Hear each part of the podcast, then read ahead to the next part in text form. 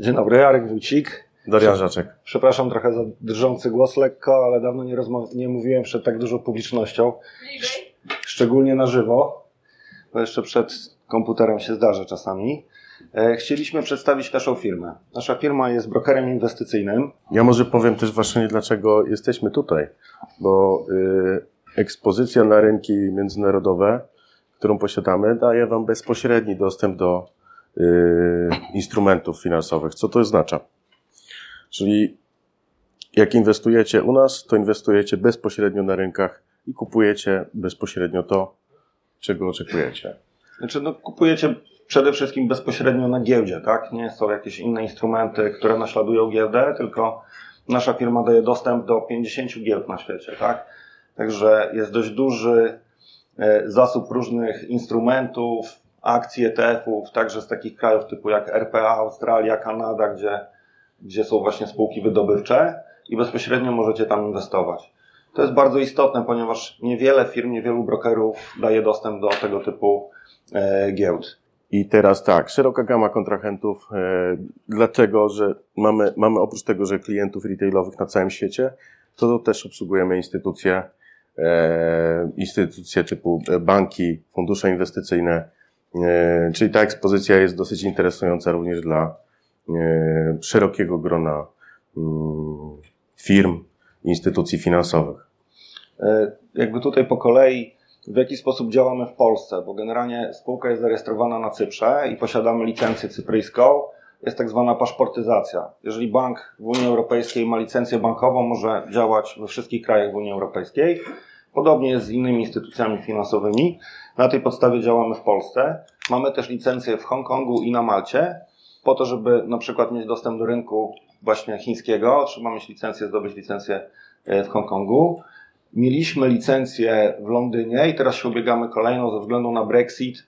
Została jakby tylko możemy obsługiwać tych klientów, czy korporacyjnych, czy indywidualnych, których mieliśmy do tej pory, ale trzeba czekać na, na nową licencję. I jesteśmy w trakcie jakby, e, spełnienia wszystkich formalności. To wygląda tak, że codziennie powstaje kilkadziesiąt nowych instrumentów typu ETF-y i one praktycznie na giełdzie nowojorskiej od razu są dodawane. I w niektórych krajach, typu jak Polska, Francja czy, czy, czy, czy w Unii Europejskiej, gdzie jest problemem język, trzeba przetłumaczyć cały prospekt emisyjny i później czekać około 2-3 miesięcy na akceptację przez KNF. Cypr jest tym krajem, gdzie język angielski jest też językiem urzędowym.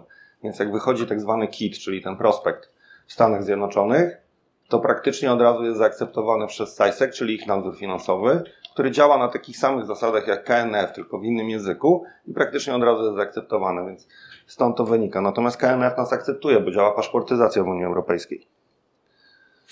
To, y, to, co ma, to, co my dajemy, jeżeli chodzi o produkty, to właśnie platforma handlowa All-in-One, y, czyli dajemy możliwość i, i, korzystania i z wymiany walut, i z inwestycji w różnego rodzaju instrumenty bezpośrednio. Y, I, i, i, i mamy też swoje oprogramowanie i rozwiązanie technologiczne, ponieważ jesteśmy firmą fintechową i dajemy po prostu dzięki temu dostęp poprzez nasze umowy, które mamy bardzo mocno rozbudowane z większością giełd, to tak wygląda. Więc mamy giełdy i fundusze ETF, tak jak widać, e, są obligacje państwowe i korporacyjne e, z całego świata. Jest tutaj naprawdę bardzo dużo instrumentów, e, jeżeli chodzi o obligacje. Kryptowaluty mamy w formie CFD. Kiedyś, jeszcze Arek może to powiedzieć z własnego doświadczenia, może powiedz, jak to no, było z krypto? Kiedyś bardziej mocniej jakby uczestniczyliśmy w rynku kryptowalut. Niestety banki sobie tego nie życzyły i musieliśmy zrezygnować. Jeżeli chcemy mieć dostęp do, do giełd, to musieliśmy zrezygnować z kryptowalut. Natomiast, co jest ważne, w jednej aplikacji, którą Państwo mogą korzystać w telefonie, na komputerze, czy na stronie webowej, czy ściągając na, desk, na, na, na swój komputer, mają Państwo dostęp do 50 giełd od razu wszystkich w jednym miejscu i około 400 tysięcy instrumentów. I tak jak mój kolega przed chwilą mówił, są obligacje. Jedne z największych jakby do wyboru miejsc, gdzie można znaleźć obligacje, czy ze Stanów Zjednoczonych, czy właśnie z Hongkongu, czy, czy, czy z Australii.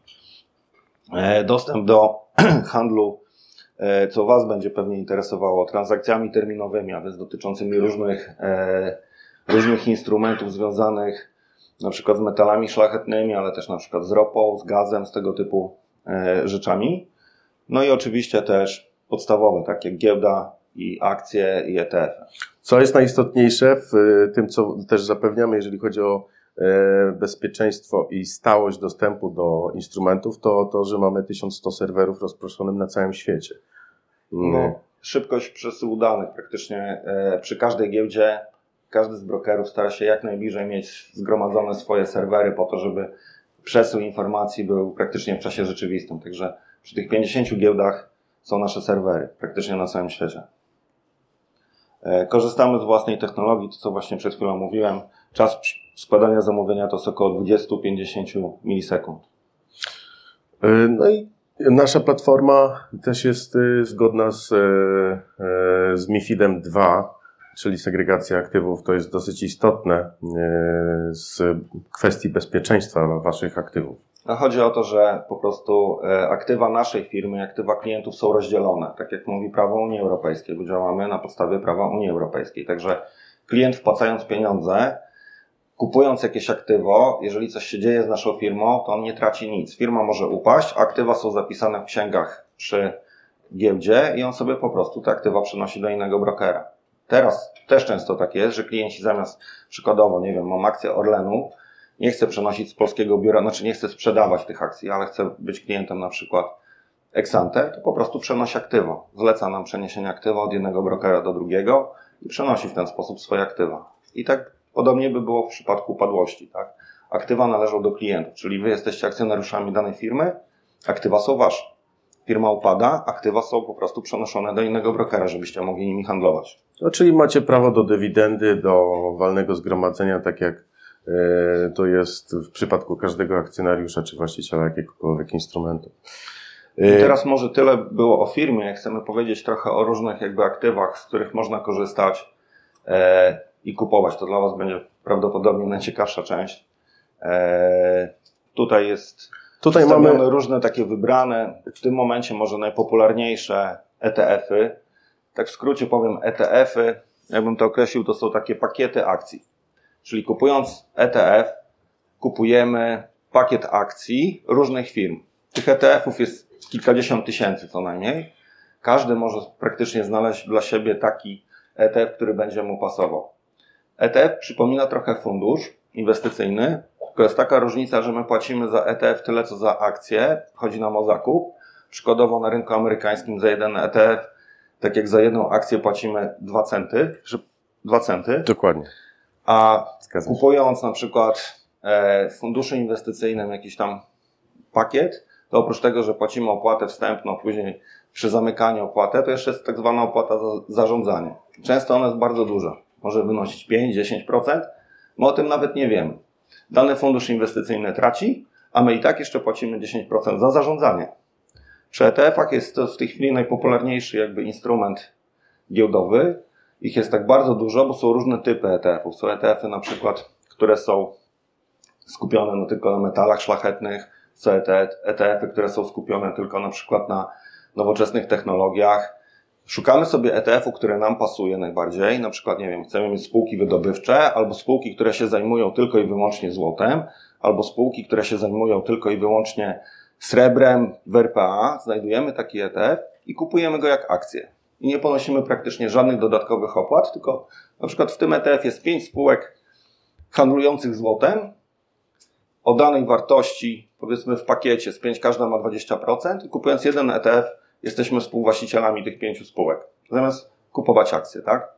Bo tak byśmy musieli 5 razy dokonać transakcji na 5 akcjach różnych spółek, a tu w jednym ETF-ie mamy jakby 5 od razu. No i nawiązując do tego, co Arek mówił, mamy tutaj przykładowe właśnie ETF-y, Van Eck na przykład e, istnieje już od 1855 roku, także dosyć długo. I co ważne, co roku wypłaca dywidendę. E, nawiążę tutaj trochę do tego tytułu naszej prelekcji, że nie tylko złoto się świeci i stąd mamy też tutaj ETF-y, tak jak przykładowo szprot, mamy fizyczne złoto, mamy uran, uran, który teraz jest dosyć modny, jest to czysta energia ale też mamy ETF MG przykładowo, który tam jest y, po prawej stronie w górnym rogu i to jest ETF, y, który głównie inwestuje w spółki y, związane z marihuaną, cannabis.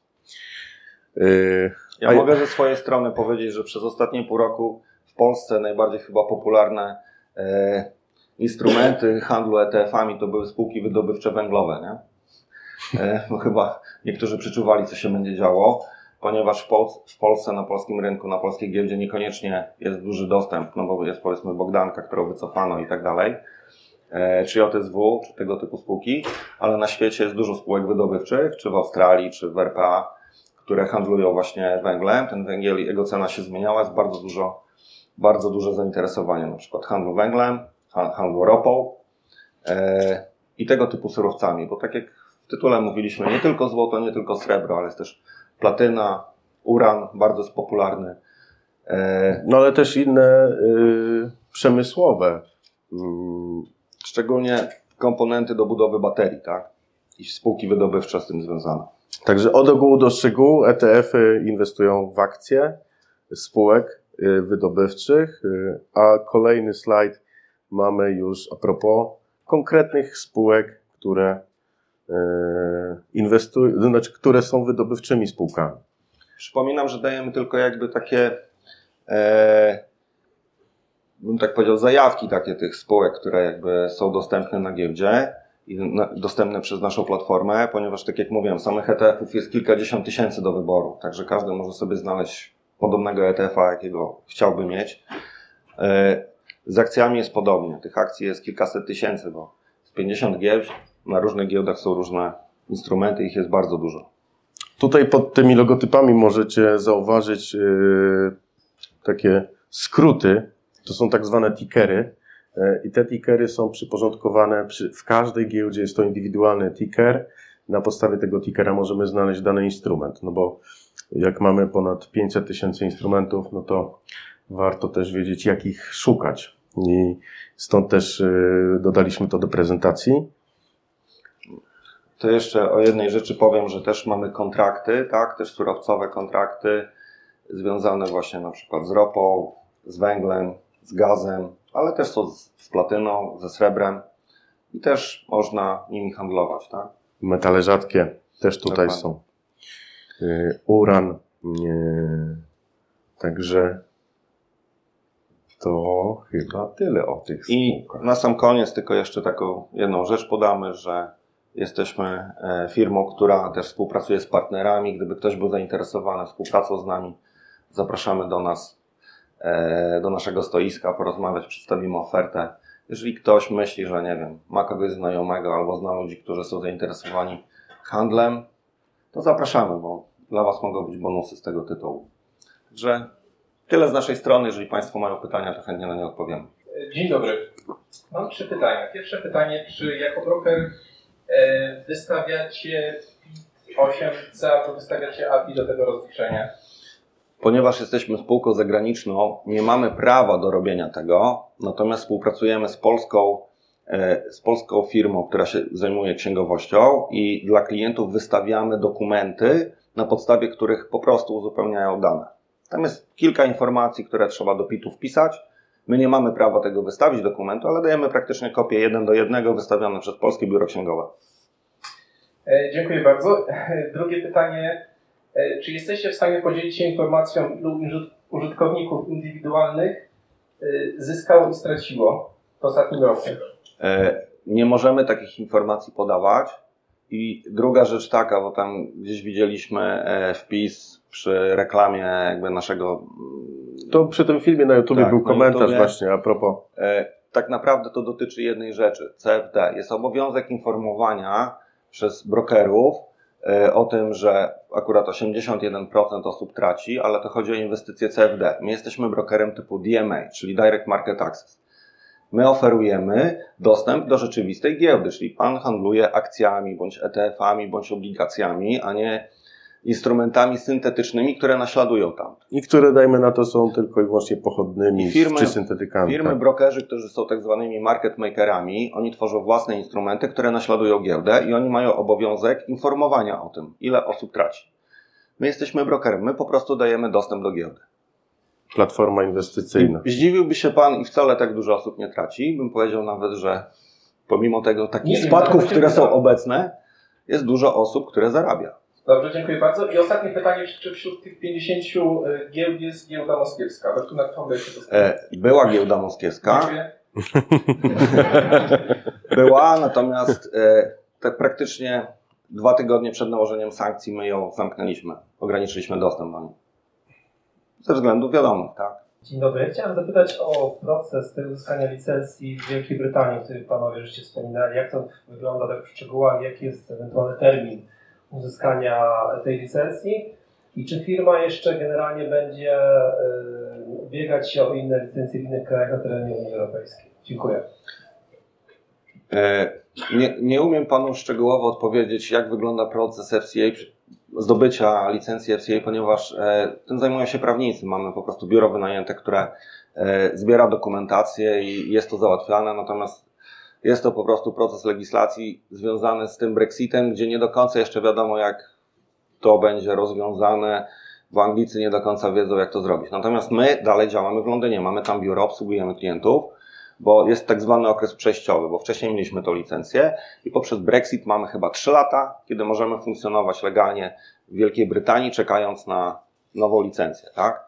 Natomiast jeżeli chodzi o inne licencje w Unii Europejskiej, niekoniecznie jesteśmy zainteresowani pozyskiwaniem kolejnych licencji. Jeżeli będziemy widzieli, że jest to dla nas jakby ważne ze względu na biznes, to wtedy to zrobimy. Natomiast nie jest potrzebna, bo tak naprawdę mamy dwie licencje z Unii Europejskiej, z Malty i z Cypru. Na Malcie obsługujemy korporacje finansowe. Cypr jest dlatego, że Cypr daje e, gwarancje finansowe, tak jak polskie biura maklerskie, że jeżeli klient na przykład ma pieniądze w banku i do 20 tysięcy euro jest gwarancja bankowa, tak? E, nie mówię o aktywach, bo jeżeli Państwo mają akcje i tak dalej, to te akcje są w 100% zabezpieczone, bo one są przy giełdzie. Natomiast mówię, jeżeli Państwo przeleją do nas na rachunek bankowy do 20 tysięcy Euro, tak jak w polskim biurze maklerskim, jest pełne zabezpieczenie. A na Malcie tego nie ma dla klientów indywidualnych, dlatego jest SYP i na Cyprze obsługujemy klientów indywidualnych. Tu może jeszcze nawiążę, co ciekawe, że y, w 2014 na Cyprze y, była taka sytuacja, że rząd cypryjski y, na kontach bankowych, które miały powyżej 100 tysięcy euro, tak? Znaczy, no, słynna sprawa, że na Cyprze ze względu na duży kryzys było około 20% podatku nałożonego na konta bankowe. Jasne, tylko że to dotyczyło kont bankowych o wartości powyżej 100 tysięcy, ale kont bankowych, a nie kont inwestycyjnych. Konta inwestycyjne nie mogą być w ten sposób. Nie, bank czy państwo nie może nałożyć podatku, ponieważ na przykład Polacy są właścicielami tego rachunku, albo e, macie aktywa, nie wiem, Microsoftu i państwo nałoży podatek i co, zabierze wam 20% e, akcji Microsoftu, to tak nie działa. Z kont inwestycyjnych nie zabrano ani jednego eurocenta. To dotyczyło tylko zwykłych kont bankowych Cypryjczyków. No i na tej podstawie inwestorzy też teraz y, decydują się na dywersyfikację geograficzną kapitału. Wiadomo, że za y, naszą wschodnią granicą jest wojna y, i każdy gdzieś tam ma takie obawy, więc dywersyfikacja kapitału na Cypr, jeszcze przy tym mając rachunek maklerski, który jest chroniony prawem, w tym momencie jest dosyć dobrą opcją. A dostęp do pieniędzy jest na całym świecie, tak? Wystarczy, że nie wiem, otworzymy konto w Szwajcarii, w Anglii, gdziekolwiek, otworzymy rewoluta, możemy przelać sobie pieniądze i mamy dostęp gdziekolwiek jesteśmy na świecie. Jakie są koszty utrzymania konta, czy ewentualnie są jakieś limity minimalne wpłaty? Dziękuję za to pytanie. Y, pierwsza, pierwsza informacja jest taka, jest limit. Nie ukrywam, że jesteśmy, obsługujemy klientów raczej zamożnych. Minimalna kwota, y, którą żeby aktywować rachunek to jest 10 tysięcy euro. Natomiast zainwestować można 1 euro. Są klienci z zachodu, którzy w ogóle nie inwestują, tylko do nas przelewają pieniądze jak na rachunek bankowy, ponieważ, ponieważ jest to dla nich tańsze niż rachunki bankowe, yy, na przykład we Francji czy, czy w Niemczech, tak? Natomiast koszt użytkowania jest związany wyłącznie z zakupami. Czyli ma Pan rachunek, nie ponosi Pan żadnych kosztów utrzymania rachunku, nie ma opłat miesięcznych, rachunek jest darmowy, i są dwie główne, e, bym powiedział, dwa koszta. Jeden koszt jeżeli kupuje Pan akcję i tak jak jakbym wytłumaczył, w Stanach Zjednoczonych jest to robione nie od, nie od sumy transakcji, tylko jest to robione od sztuk akcji na przykład albo ETF-ów, to jest dwa centy od jednej sztuki. I nie ma minimalnej opłaty typu, bo w niektórych firmach też jest tak, że jest dwa centy, ale nie mniej niż 10 dolarów. U nas jak pan kupi jedną akcję, to za jedną akcję pan płaci 2 centy. A druga opłata to jest za wycofanie pieniędzy. Czyli jak przelewa pan pieniądze z powrotem do innego banku, to jest 30 euro, bo tyle kosztuje przelew bankowy na Cyprze. Jak klienci do nas wysyłają pieniądze, my płacimy 30 euro za każde przyjęcie pieniędzy, także klient tego nawet nie widzi. No a kwota 10 tysięcy euro wynika z y, opłacalności też, bo utrzymywanie dostępu do ponad 50 giełd na świecie też kosztuje z naszej strony. Stąd taka kwota. Witam panów. Czy broker Exante będzie pobierał jakąś opłatę za przechowywanie akcji albo ETF-u? Nie pobiera i nie będzie pobierał. Znaczy, Aha. dlatego jakby szukamy tych klientów, którzy są bardziej zamożni, bo zabiera, zarabiamy na tym, że jak, jak to się mówi, że małą łyżeczką można zjeść dużo, bo mamy jakby dużo zamożnych klientów, obsługujemy też banki, e, fundusze inwestycyjne. To mogę powiedzieć, w tym roku już mamy ponad miliard 600 milionów euro przychod, znaczy obrotu, tak?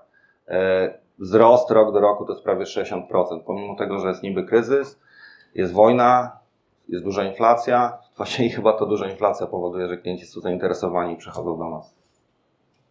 E, Wspomniałeś o rewolucie i tutaj mi się e, pojawiło pytanie, zazwyczaj Revolut, e, jest, no. Revolut nie lubi współpracować z dużymi firmami tego typu, na ile wiem, i duże firmy również nie lubią współpracować z Revolutem, bo kiedy płacamy sobie z Revoluta, to nie pojawia się się nasze nazwisko, nie sobie odrzucić przelewy, więc chciałem zapytać, jak to Wam się współpraca z tym Revolutem e, układa? Bardzo dobrze. Naprawdę? Nie, Nie, no. nie blokują wypłat? Ina, inaczej. Nawet jest lepiej niż z E, bankami. Tak jak, tak jak wspomniałeś, znaczy z Revolutem jest tak, że Revolut akurat już pokazuje e, imię i nazwisko przy przelewie, ponieważ oni mają licencję bankową, czyli uczestniczą w transakcjach bankowych. Problem jest z takimi firmami typu jak Walutomat, Cinkciarz, to są firmy paymentsowe, które korzystają z banku, żeby wysłać pieniądze. I tutaj to wygląda tak, że klient, który dokonuje przelewu do nas, wysyła nam potwierdzenie przelewu, jest jego imię, no, prosi taki walutomat, wystawia mu dokument, trwa to 5 minut, albo ci- cinkciarz wystawia dokument, że to on jest nadawcą i my wysyłamy, jak te pieniądze są zaksięgowane na rachunku, mamy potwierdzenie, że to jest od tego klienta. A z Revolutu akurat kiedyś był problem z tym i oni też musieli takie dokumenty wystawiać, ale ponieważ mają licencję bankową, przechodzi normalnie jak z banku. Szybkie pytanie, czy instrument tak CFD, czy tak Xante jest drugą stroną transakcji, czy macie jakiś dostawców płynności, jeżeli tak, to jakich, jeżeli to nie jest tajemnica? E, Jest tajemnica, nie możemy o tym mówić, to jest tajemnica handlowa, natomiast e, żeby było jasne, my e, dostawców praktycznie, jak, nie wiem, przykładowo negocjujemy z New York Stock Exchange, podpisujemy umowę. Oni nam dają krótką listę pięciu, siedmiu firm, które są w stanie nam zapewnić liquidity i my z nimi negocjujemy. I ci, którzy Czyli dają nam płynność. największe, ci, którzy dają nam jakby najlepsze warunki, bierzemy jedną firmę, drugą, trzecią i mamy ją w portfelu, tak? Tak, mogę wspomnieć, powiedzmy, akurat o New York Stock Exchange mogę powiedzieć, to jest na przykład Pecznik, tak? I, I tego typu firmy. To jeszcze jedno pytanie. Jak te napięcia między Grecją a Turcją mogłyby wpłynąć na kondycję brokera?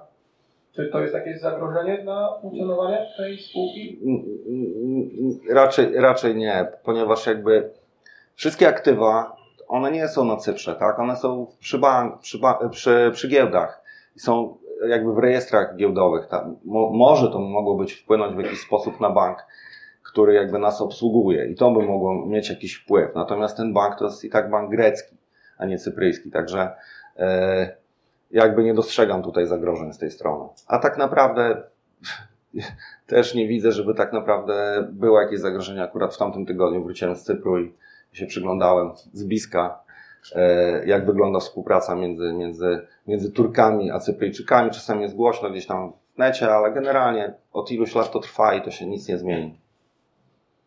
To jeszcze ja chciałam zadać pytanie. A, co skorzystam. E, Mam do Was takie pytanie, panowie. E, Jakim echem, bo tutaj są na tej sali na pewno uczestnicy Ligi Inwestorów, jakim echem odbiła się ta akcja i czy planujecie tego typu edukacyjne przedsięwzięcia w przyszłości? Bo to jest myślę istotne dla ludzi, którzy poczynają pierwsze kroki nawet na kontakt demo. No, dziękuję za to pytanie, Jola. E, Liga Inwestorów trwa od 24 października. Jest to już ten główny konkurs, e, gdzie gra już się na realnych e, pieniądzach. Wcześniej był to konkurs demo i tam było 15 tysięcy zarejestrowanych e, użytkowników. Co ciekawe, wygrała pani. To ona, to ona wygrała główną nagrodę. Tak, pani. Jeszcze nie mamy tej oficjalnej informacji, tak. Mąż był trzeci, ale to ona, bo mia- miałem okazję poznać, na Cyprze przy- przyleciała odebrać nagrodę. Dostała nagrodę 10 tysięcy euro. Bardzo sympatyczna, skromna pani. e, I ona wygrała Ligę Inwestorów. Tak, oczywiście. No, Ligę Inwestorów robimy z e, Traderem 21 we współpracy. To była też e, jego inicjatywa. E, My, my ze swojej strony tutaj zapewniamy mm, tak naprawdę całe zaplecze i, i, i oczywiście fundujemy nagrody. E, 800 tysięcy złotych to jest pełna pula nagród. Porsche Macante do wygrania. E, Nie możemy zdradzić niestety, ile osób w tej chwili jest zarejestrowanych na tych realnych kontach, e, bo to Ale jest. czy to jest spory procent tego, co było na kontrakt demo?